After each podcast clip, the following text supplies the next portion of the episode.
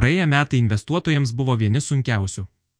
Pasaulio akcijų kainos pagal MSCI LL Country World Index eurais krito 13,2 procentai, 18,4 PROC JOTVDOL, tai yra labiausiai nuo 2008 metų, tačiau kitaip nei tada.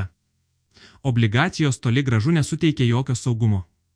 Pavyzdžiui, obligacijų kainos eurais per metus muko 17,2 procentus didėjančios palūkanų normos neigiamai paveikė augimo akcijas, įskaitant gerai žinomas didžiasias technologijų bendrovės. Tačiau energetikos krizės ir karo Ukrainoje metai energetikos sektoriui buvo palankus. Gruodį, dėja, nesulaukėme jokio palengvėjimo.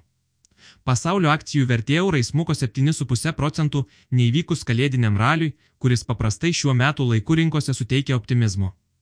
Smarkiai išaugus eurozonos obligacijų pajamingumui, obligacijų rinka eurais atpigo daugiau kaip 3 procentai JOTVDOL.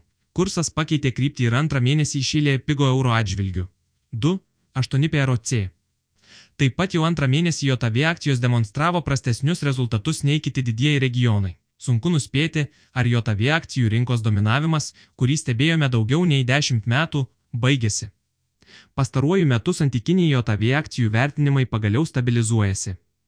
Europos akcijų kainos vyravo mažiau, nes ekonomika įsilaikė geriau nei tikėtas ir visus metus rezultatai šioje akcijų rinkoje buvo geresni už JOTV.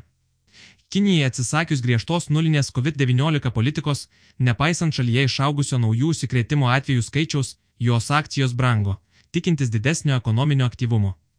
Vis dėlto Kinijos atsidarimas gali paveikti infliaciją, pučianti žaliavų kainoms ir tapti iššūkiu centrinio banko vykdomai politikai. Pastaruoju metu infliacija JOTV sumažėjo. Lapkritį kainų augimas per metus siekė 7,1 procentą, o bazinės kainos be maisto ir energijos kilo 6 procentai. Tai yra mažiau nei praėjusį mėnesį ir nei tikėjosi analitikai tuo pačiu laikotarpiu eurozonoje vartotojų kainų indeksas didėjo 10,1 procentas. Tačiau tai didelio palengvėjimo netnešė, nes tiek ECB, tiek FED primiktinai tvirtino, kad reikia ir toliau didinti palūkanų normas. Be to, padidino kitų metų infliacijos prognozes. Kaip ir tikėtasi, abu bankai pakėlė savo bazinės palūkanų normas 50 bazinių punktų FED viršutinę bazinių palūkanų ribą iki 4,5 procentų, o ECB pagrindinę refinansavimo operacijų palūkanų normą iki 2,5 procentų. ECB užsiminė, kad savo balansą pradės mažinti kovo mėnesį.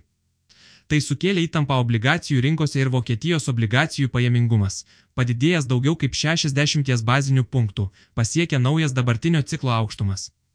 Mėnesio pabaigoje dviejų metų trukmės obligacijų pajamingumas siekė 2,7 procentus, o 10 metų trukmės obligacijų pajamingumas 2,6 procentai metų pradžioje abu šie rodikliai dar buvo neigiami, JOTV obligacijų pajamingumas taip pat pakilo, bet ne taip smarkiai.